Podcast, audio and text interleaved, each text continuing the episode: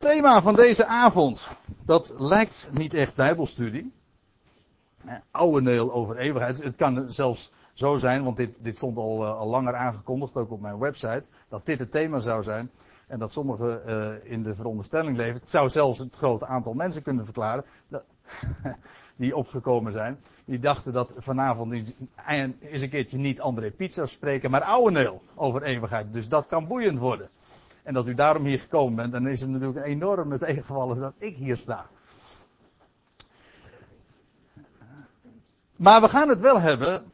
Dat wil zeggen, we zullen ons wel uh, bezighouden met wat Ouweneel te melden heeft over eeuwigheid.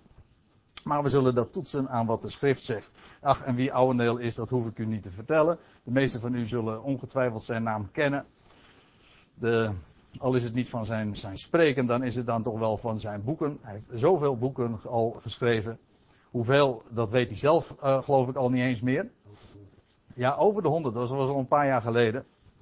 En ik moet u zeggen, ik, uh, ik heb zelf ook, uh, nou, zeker een meter boeken van uh, Ouweneel.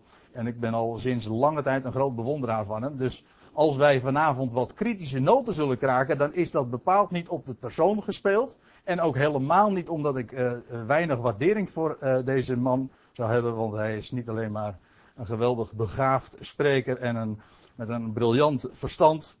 Hij heeft ook enorm veel, uh, in veel opzichten inzicht in de schrift. En ik heb enorm veel van hem geleerd. Dus dat wil ik eventjes bij voorbaat zeggen. Ook als er vanavond wel eens een keertje misschien wat onaardige dingen gezegd zullen worden. Maar dan is het in ieder geval niet over de persoon van Ouweneel.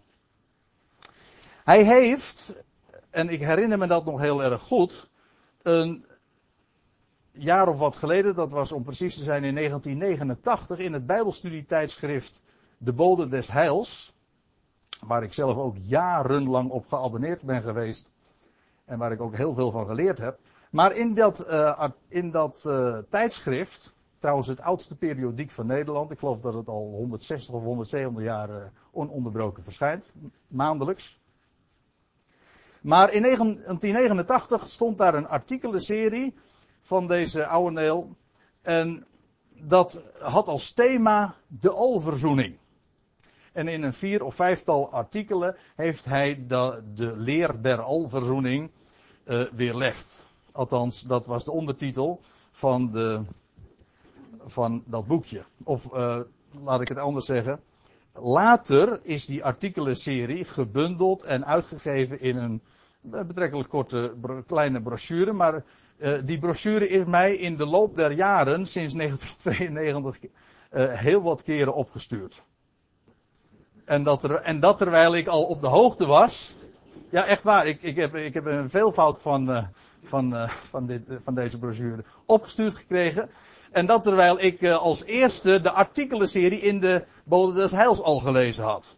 Is het daarom zo vaak herdrukt?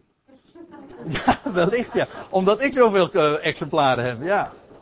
Het is momenteel, heb ik, als ik goed ben ingelicht, niet meer verkrijgbaar. Dat wil zeggen, niet meer. Bij mij wel, ja. Tegen, tegen een goede vergoeding. Nee, het is trouwens, het is nog wel verkrijgbaar, uh, maar dan als e-book. Dat wil zeggen, dan kun je het downloaden via het internet. Maar dat is dus uh, de historie van, uh, van deze Bijbelavond eigenlijk. Dat wil zeggen, uh, in dat boekje, in die artikelenserie, staat er ook één, één artikel in die serie was ook gewijd aan het woordje aion, eeuwigheid. En dat wil ik vanavond eens onder de aandacht brengen. Want ik ben daar uh, juist recentelijk nog weer eens een keertje op gewezen in een discussie die ook op het internet plaatsvond. En toen werd uh, mij verweten dat ik kennelijk niet op de hoogte was wat Ouweneel geschreven had over eeuwigheid. En die had toch dat allemaal wel weerlegd wat ik zo al beweerde. Bijvoorbeeld, of met name dan, dat Aion een begin en een einde heeft. Nou, en toen werd ik uh, gewezen op wat uh, daarover geschreven heeft in dat boekje. En wat ik nou vanavond graag wil doen is, wat zegt Ouweneel daarover? En is, klopt dat ook precies? En laat ik dan beginnen met eens een keertje iets voor te lezen uit een ander boek van Ouweneel. Dat is het boek Jeugd in een stervende eeuw. Dat is in de jaren 70 uitgekomen. Een prachtig boek trouwens. Waarin hij schrijft over het, over het, uh, de, de, keuze van uh, schepping en evolutie. Schitterend boek, zoals gezegd. En dan aan het einde van het boek, dan vertelt hij iets over zijn, over zijn persoonlijk verhaal en hoe hij geworsteld heeft met die hele kwestie van uh, schepping, evolutie. Hij is per slotverrekening als eerste keer ge, gepromoveerd als bioloog. En hij heeft daar heel erg veel uh, mee te maken gehad met dat vraagstuk. En hij heeft zich er buitengewoon in verdiept. En dan schrijft hij um, hoe dat ging. Ja, hij was als jongen was hij in aanraking gekomen met, met de schrift. Hij is daarmee opgegroeid. En hij heeft al op jonge leeftijd de Heer leren kennen. En nou, dan zegt hij, toen kwam de universiteit. En de allereerste hoogleraar die ik beluisterde, gaf ons een goede raad. Hij leerde ons te beginnen met alles wat ons verteld zou worden niet te geloven, dan nadat wij zelf de beweringen getoetst hadden. Hij leerde ons kritisch te zijn. En ik luisterde kritisch totdat ik inderdaad ontdekte dat de feiten die ons medegedeeld werden, werden eenzijdig en selectief waren. Dat er een alternatief model was. En dat het enorme consequenties voor mijn praktische, alledaagse leven had aan welke van de twee beschikbare modellen ik de voorkeur gaf. En toen werd ik verontwaardigd over dat establishment. Want ik ging zien hoe afschuwelijk het was dat slechts één model onderwezen werd. Ouweneel heeft het hier over de evolutieleer, over het evolutiedogma, eh, dat, waarvan hij ontdekte dat dat helemaal niet wetenschappelijk verantwoord was. Nou, waar het om gaat is dat ik de raad die die hoogleraar ooit aan Ouweneel gaf op bij de eerste, college, eerste de beste college, dat ik die raad ook graag ter harte wil nemen.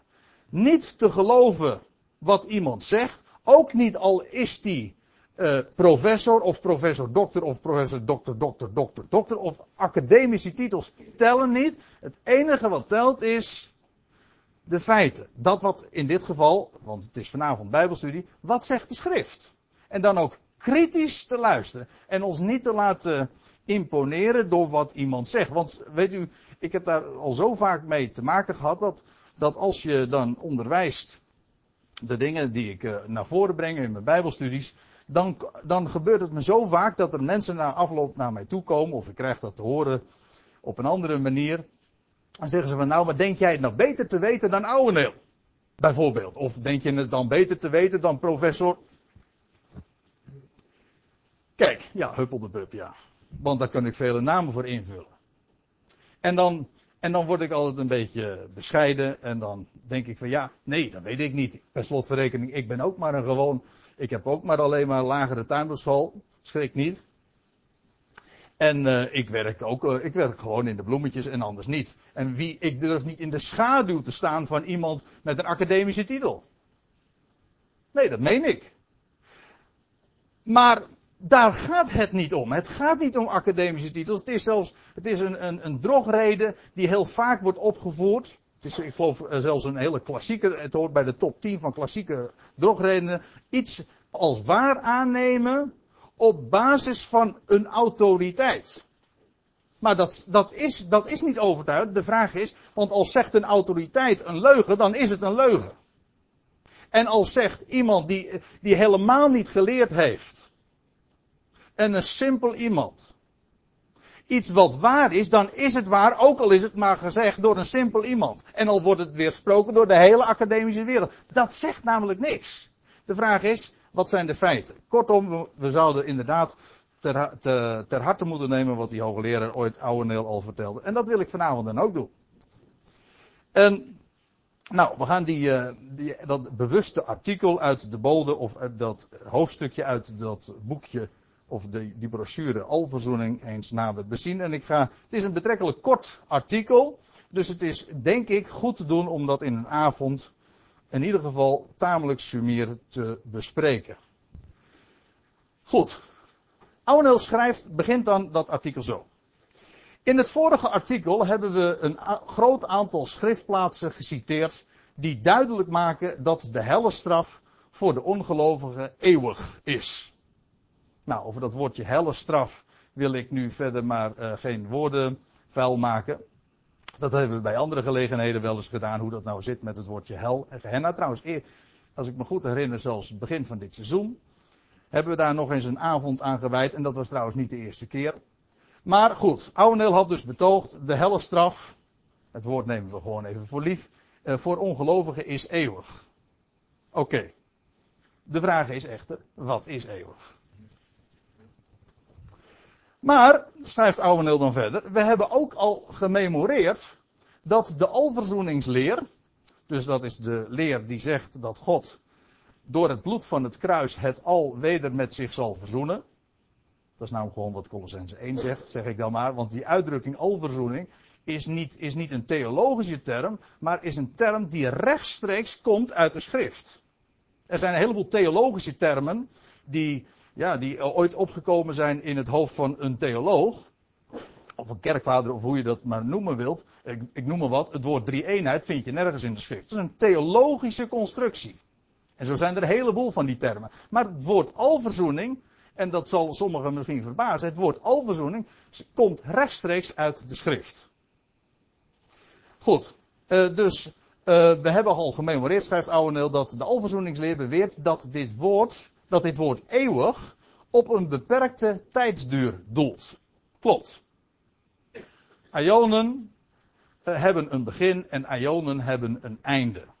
De Bijbel spreekt over voor de ionen.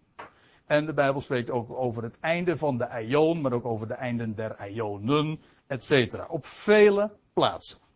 Dus tot zover van harte akkoord. We zullen nu dit argument nader onder de loep moeten nemen. Dit zal helaas leiden tot een nogal technische uiteenzetting, wat wij echter gezien het enorme belang van het onderwerp niet uit de weg moeten gaan. Opnieuw van harte akkoord. Dat is waar. Uh, ik moet er trouwens wel bij zeggen dat die technische uiteenzetting ingewikkelder wordt dan nodig is. Weet u waarom ze ingewikkeld uh, is? En waarom mensen er daarom ook vaak voor terugschrikken? Dat is omdat men dat woord waaraan het allemaal, waar het allemaal op terug te voeren is, dat woord aion, op verschillende manieren vertaald is. En dat maakt het erg verwarrend en ingewikkeld. Als men het consequent op één manier had weergegeven, had het geen enkel probleem geweest. Trouwens, dan had die leer van de eeuwige hellestraf in de zin van eindeloze hellestraf niet eens bestaan. Maar inderdaad, uh, we zullen ons dan misschien door een aantal technische dingen moeten heen bijten. Het, het onderwerp is van buitengewoon groot belang. Is het waar dat God inderdaad niet laat varen de werken zijner handen en dat hij door de ionen heen uiteindelijk zijn doel bereikt? Of moeten wij vasthouden aan hel en verdoemenis? Dat is het dilemma. Dat is de keuze waarvoor we staan. Dat zijn de twee modellen waar we vanavond ons over zullen druk maken. We lezen verder wat Ouweneel schrijft. Eeuwig is in het, Griek, in het Grieks aionios. Een bijvoeglijk naamwoord dat is afgeleid van aion. Nou komt het. Dat zowel eeuw als ook eeuwigheid kan betekenen. Soms ook wereld. Kijk, hier begint het al ingewikkeld te worden. Want dit is namelijk niet waar. Aion betekent gewoon overal, kan overal zonder enig probleem uh, weergegeven worden met eeuw. Met die, mis, met die verstanden dat je bij eeuw niet moet denken aan een periode van 100 jaar. Maar dat is ook niet de oorspronkelijke betekenis van het woord eeuw. Dus dat lijkt me ook al geen punt. Maar inderdaad, trouwens, het, het woord eeuw is ook heel dikwijls het vertaalwoord in onze Bijbels. Of, het nu nou, of u nu een MBG of een, of een uh, statenvertaling hebt. Het woord eeuw is heel vaak het vertaalwoord voor aion. Dus dat staat niet ter discussie. Alleen men heeft het niet consequent gedaan. En daar ontstaat het probleem. En dan zegt hij, ja, het kan soms ook eeuwigheid betekenen. Wat natuurlijk heel vreemd is. Gewoon even op voorhand al. Kijk, Eeuw betekent een tijd met een begin en een einde. Eeuwigheid is precies het tegenovergestelde. Dat is een tijd zonder begin, dan wel een tijd zonder einde. Dat zijn twee totaal tegen, tegengestelde begrippen. Of het is een begin- en eindeloze tijd, of het is een tijd die beperkt is, zowel aan de voorkant als aan de achterkant. Dat zijn twee tegengestelde begrippen, en die zouden allemaal terug te voeren zijn tot één woord.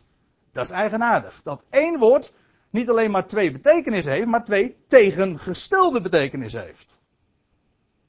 Realiseert u zich dat? Eeuw en eeuwigheid zijn twee tegengestelde begrippen. En die zouden allemaal terug te voeren zijn tot het woordje aion. Goed. Het is volkomen juist, schrijft Ouwendeel dan vervolgens, dat aion soms duidt op een beperkte tijdsperiode. Waarbij het overigens niet zozeer gaat om de lengte, als wel om de geestelijke kenmerken van die tijdsperiode. Denken we aan uitdrukkingen als de tegenwoordige eeuw. Uh, dat eentje, dat is dan een, waar, voetnoot en waarbij hij de voorbeelden geeft waar die uitdrukking allemaal zo op voorkomt.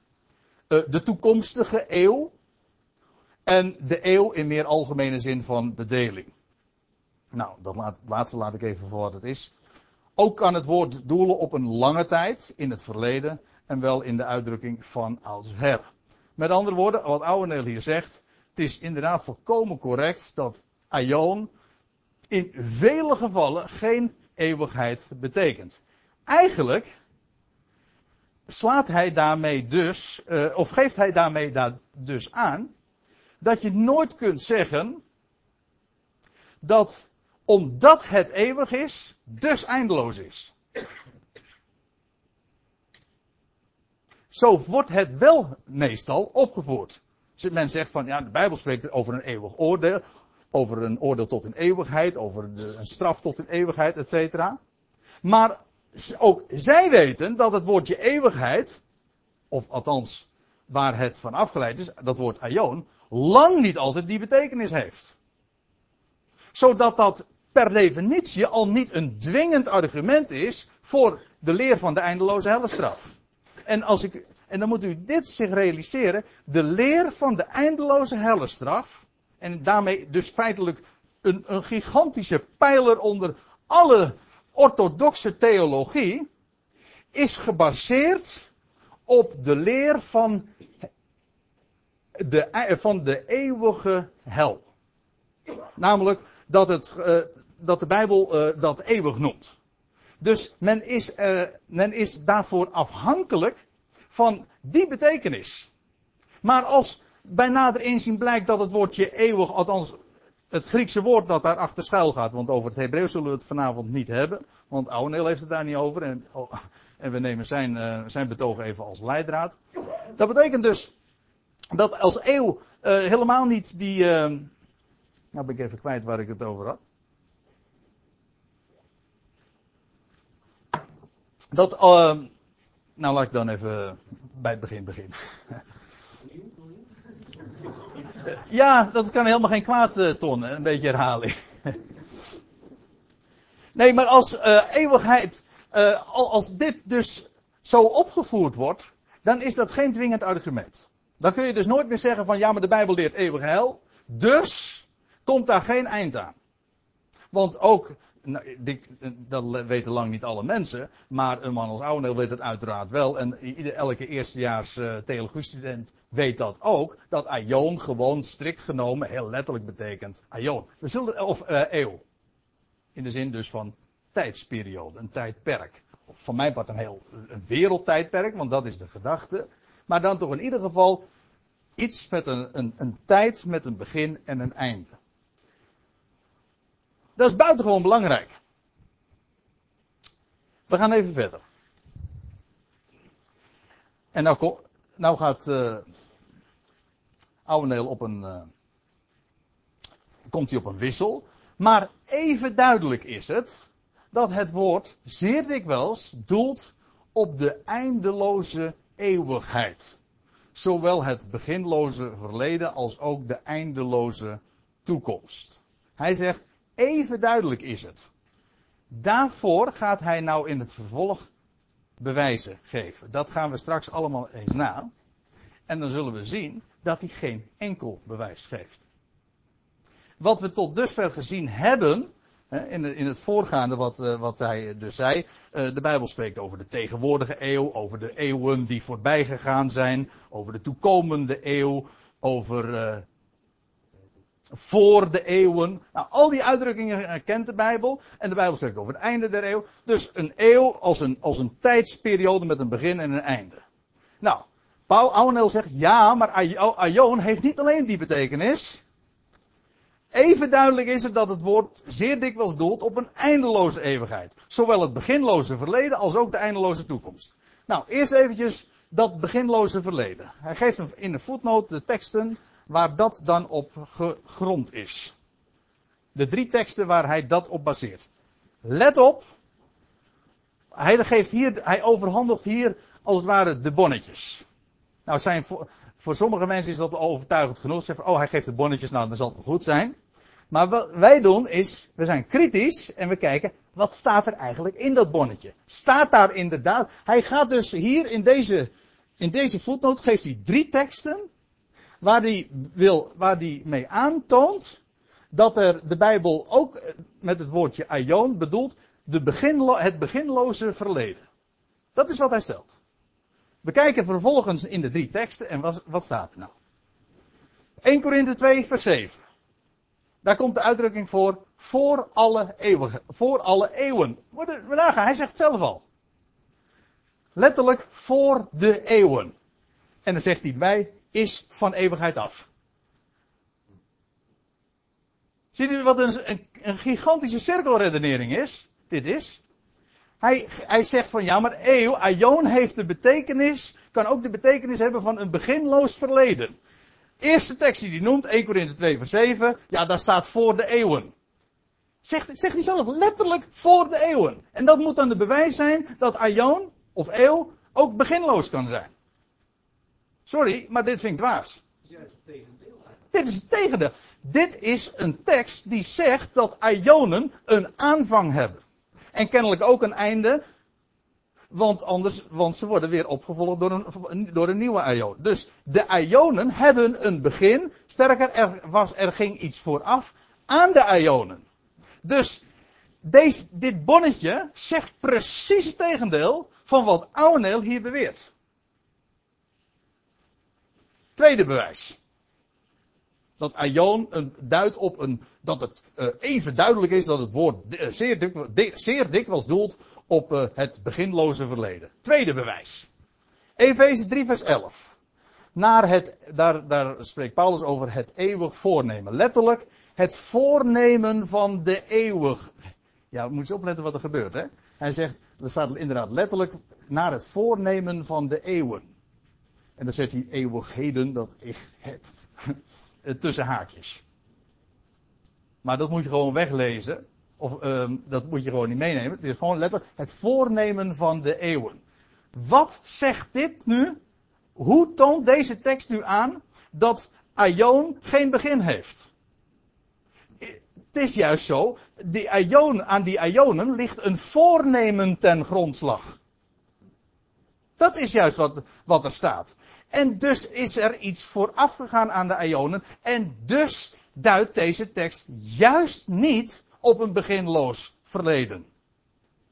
Tweede tekst die hij noemt, die de, hij geeft een drietal getuigen. Nou, daar zou, daar zou de zaak vaststaan. Maar de eerste twee getuigen moeten we meteen al zeggen van nou, uh, die getuigen die uh, kunnen we weer gewoon weer meteen achter elkaar afvoeren. Want die zeggen precies het tegendeel van wat hij claimt. Ja, dat is jammer. Nou, en dan krijgen we Judas, vers 25. Judas heeft maar één hoofdstuk. Hè. Daar staat voor alle eeuwen. Letterlijk voor heel de eeuw. Nou, alsjeblieft, zegt Ouweneel, dat is een bewijs dat de eeuw geen begin heeft.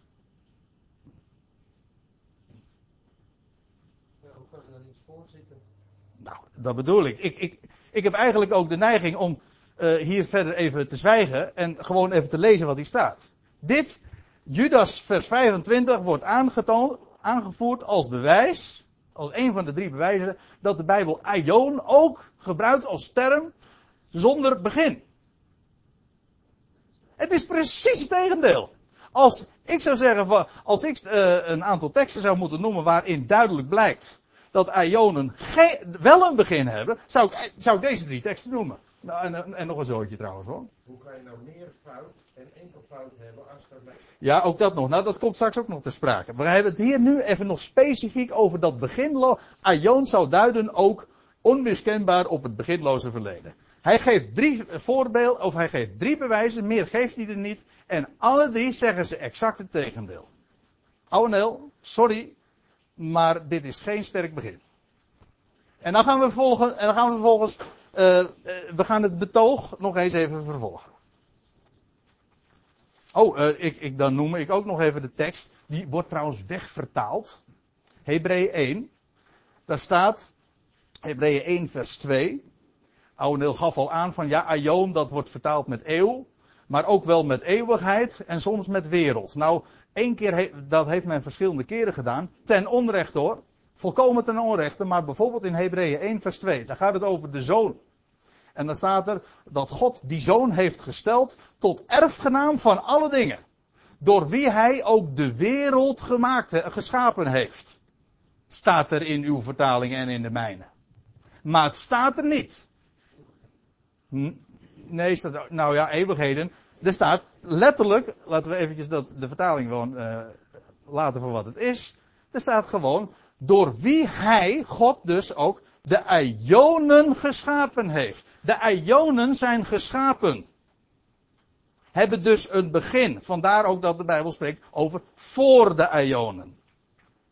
Het is zo simpel als wat. Het is kristalhelder.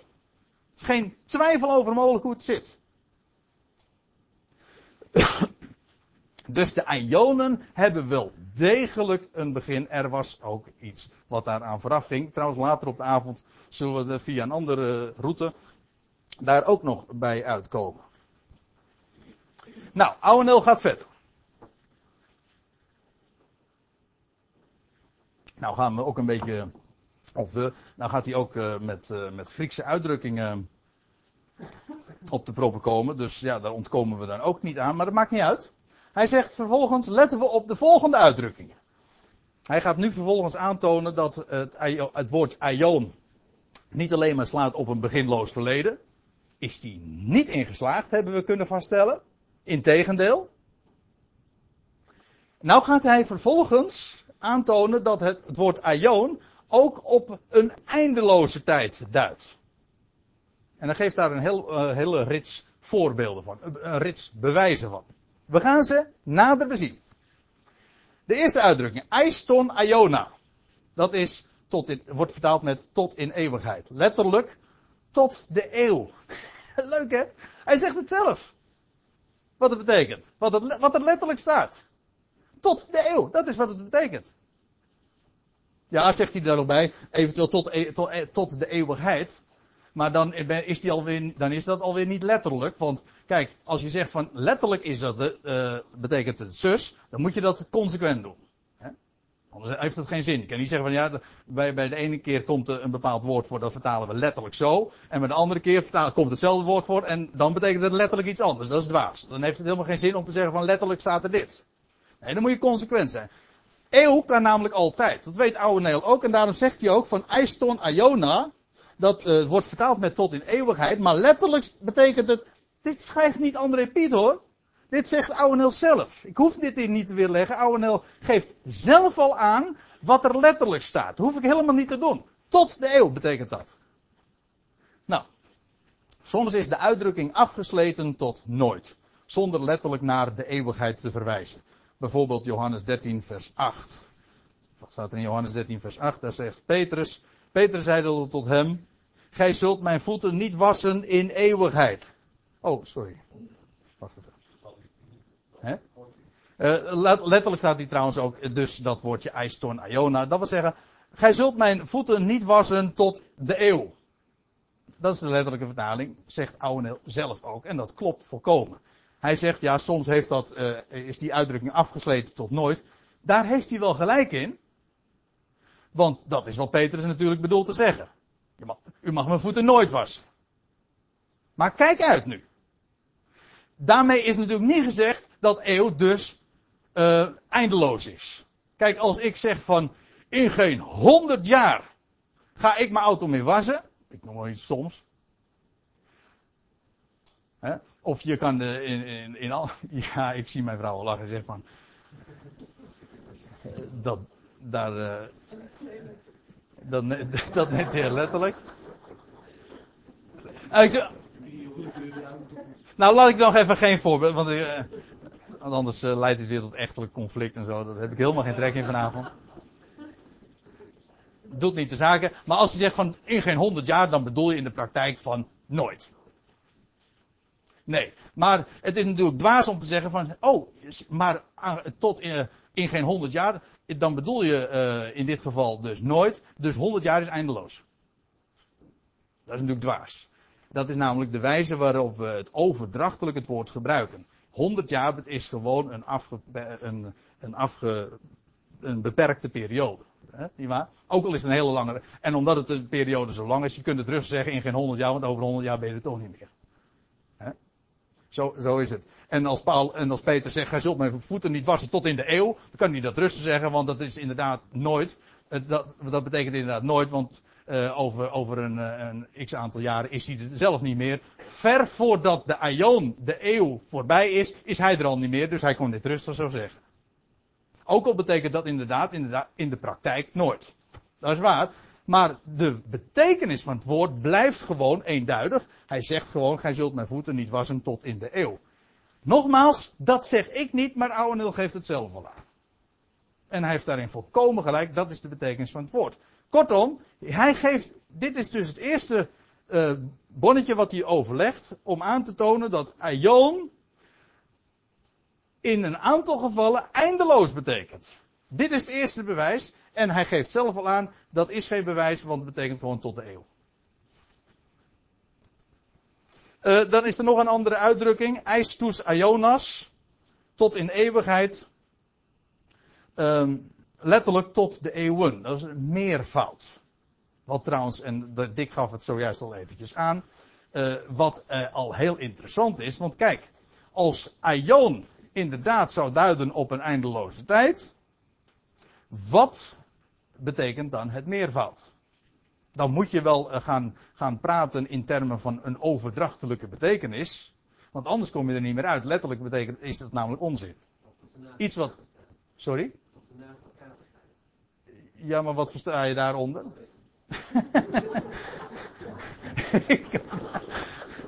nee, precies. Kijk.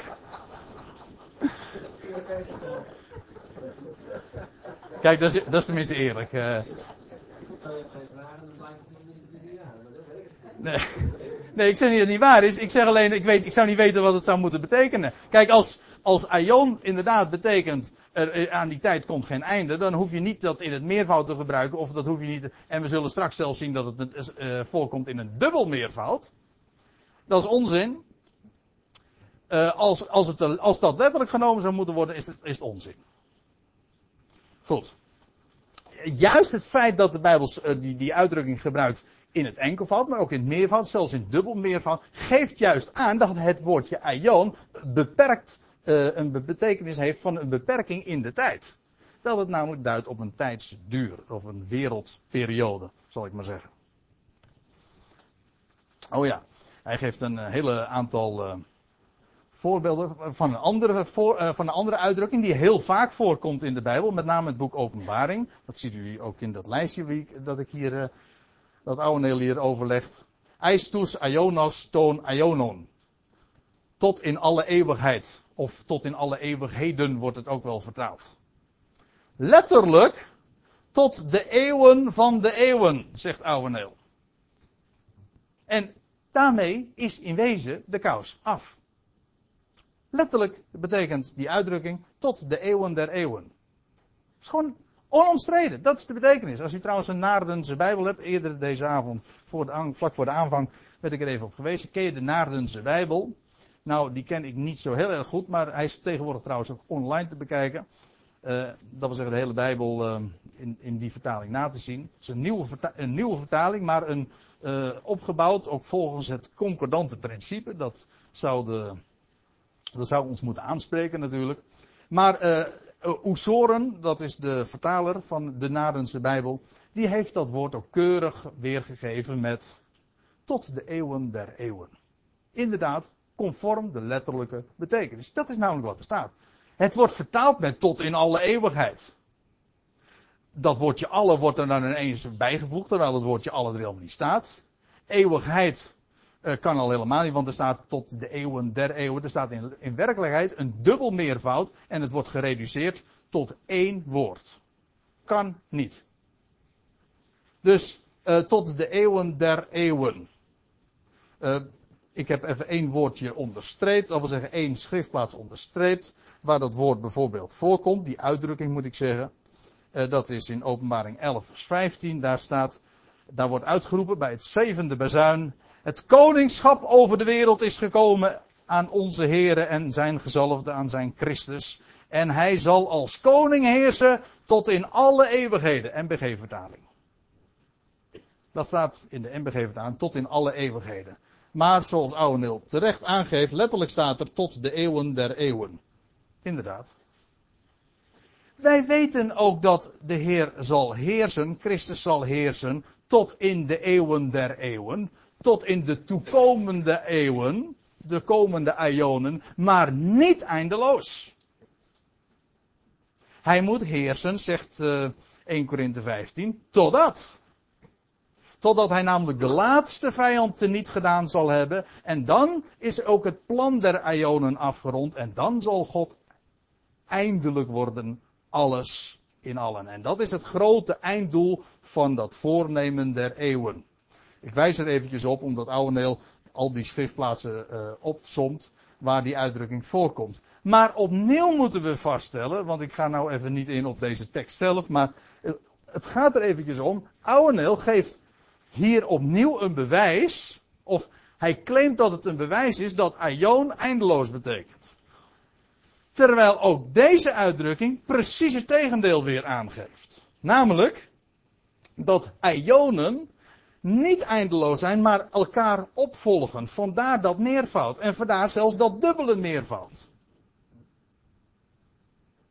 Dus tot dusver is geen enkel bewijs dat ons is uh, overgegeven door Ouwenel solide. Bij nader inzien blijkt iedere keer dat het niet uh, klopt.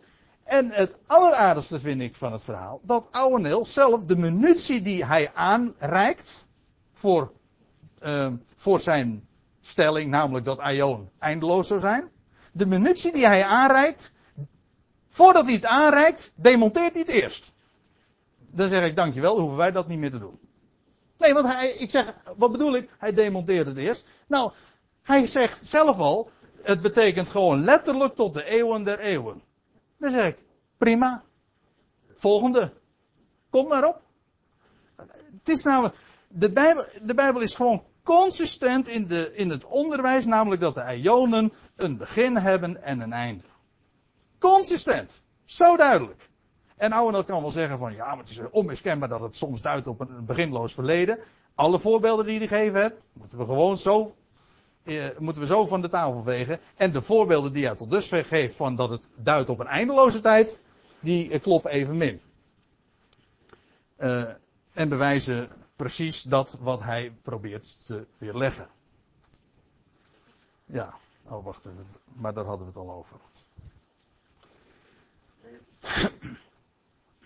En nou eh, gaat Ouweneel concluderen. Uit deze opsomming blijkt duidelijk dat, als we even afzien van de teksten die over het eeuwige oordeel spreken, niemand eraan kan twijfelen dat Aion in de geciteerde plaatsen eindeloze eeuwigheid betekent. Sorry, maar ik heb het niet kunnen ontdekken.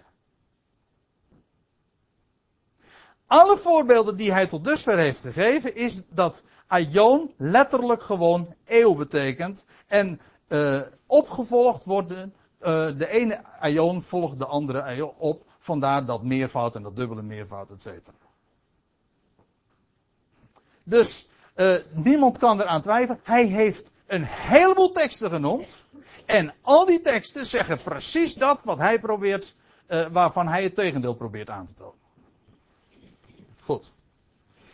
In geen enkele schriftplaats waar we de constructie met ijs, dat is een Grieks woord, betekent tot of tot in, vinden, zijn aanwijzingen te vinden dat het om een beperkte tijdsperiode zou kunnen gaan.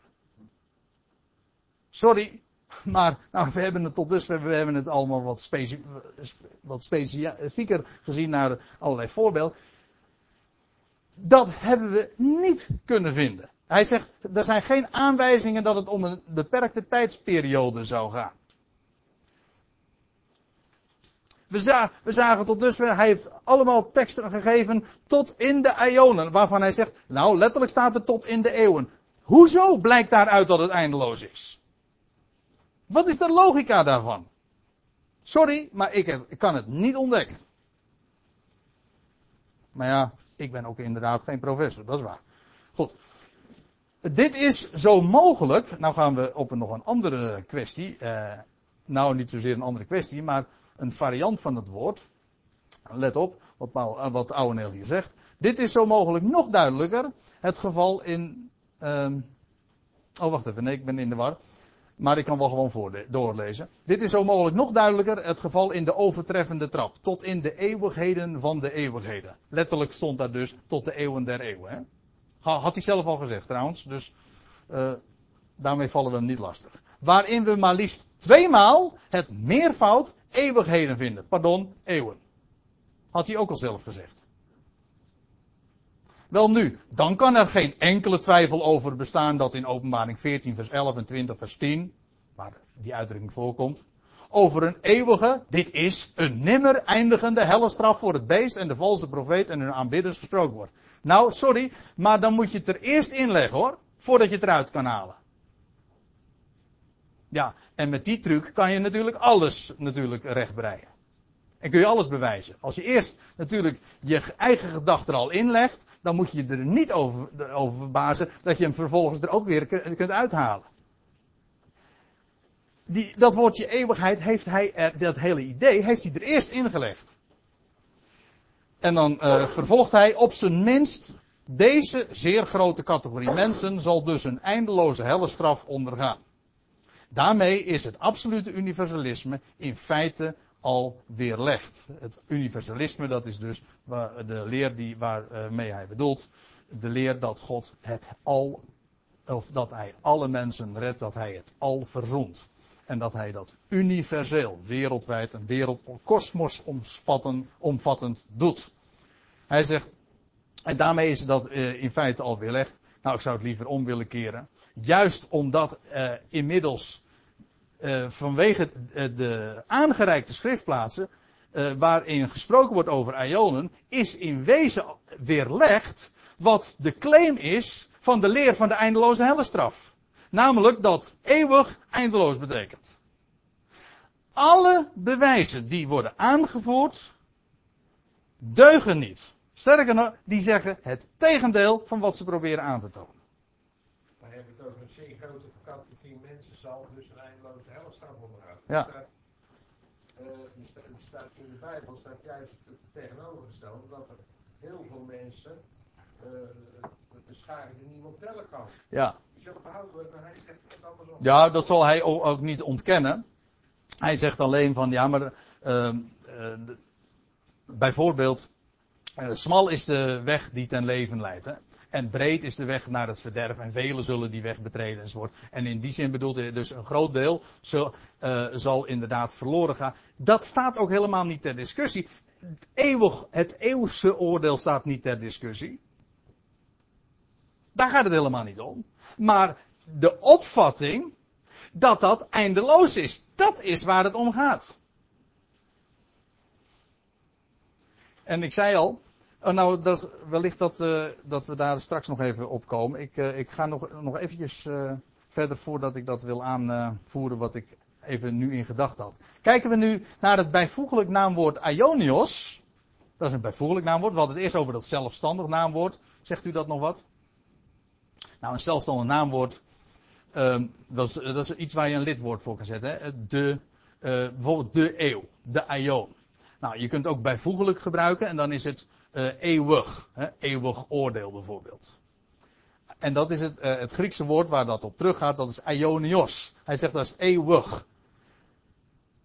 Um, dan zeg ik, ik heb er geen probleem mee als je het eeuwig noemt, maar dan wel met een spatie tussen eeuw en ich. In de zin dus van eeuwig. Verband houdend met eeuw. Maar aangezien de meeste mensen die associatie niet leggen, of dat die link leggen, uh, uh, geef ik veruit de voorkeur aan het woord eeuws. Want als aion eeuw betekent, en Ouweneel heeft het zelf keurig allemaal al voor ons uh, aangereikt. Daar hoef ik niks aan toe te voegen. Hij heeft eraan toegevoegd, ik niet. Als aion eeuw betekent, dan is het bijvoeglijk naamwoord eeuws. Zoals wij zeggen van iets is uh, iets wat verband houdt met de 20ste eeuw, dat is 20ste eeuws. Dan is het dus niet het eeuwig oordeel, want dan denken we meteen al aan eindeloos oordeel. Dan, want dan, dan heeft eeuwig verband met eeuwigheid. Maar het heeft verband met eeuw, en dat is dus het eeuwse oordeel, het oordeel dat verband houdt met de eeuw, of eventueel de eeuwen. Kijk, de trick is, het, het, het grote probleem is, wij kennen twee woorden, eeuw en eeuwigheid. In het Grieks niet. Ouweneel zegt nou ja, het, is allemaal aion. Maar uh, wij hebben het onderverdeeld tussen eeuw en eeuwigheid. Maar dat zou je dus helemaal niet moeten doen. Als je bijbels wil denken, dan moet je overal hetzelfde woord invullen. Waar, waar de schrift eenzelfde woord gebruikt, moeten wij ook eenzelfde woord gebruiken. Wij moeten natuurlijk niet gaan scheiden wat God heeft samengevoegd. Toch? Dat staat er. En dan moeten we niet. En dus overal waar je eeuwigheid leest, moet je gewoon is eeuw lezen. Zonder enig probleem. En eeuwig houdt verband met eeuw. Goed. Ouseneel zegt, kijken we nu naar het bijvoeglijk naamwoord Ionios, eeuws, uh, eeuwig zegt hij dan. Uh, hier is de balans nog veel verder doorgeslagen van eeuw naar eeuwigheid. nou ja, uh, sorry, maar dat vind ik zo langzamerhand een, een want we hebben gezien dat Aion gewoon eeuw is. En we zullen straks zien, want we gaan eerst even pauzeren, niet al te lang, want ik heb nog een, heel traject te gaan. Maar uh, we zullen straks zien dat dat met eeuwig, of dat woordje aionios, oftewel eeuws, evenzeer zo duidelijk is. Namelijk dat het verband houdt met aion of met eeuw en eeuwen. Maar we gaan eerst even een kopje koffie drinken. Om de gedachten zuiver te houden, zullen we maar zeggen.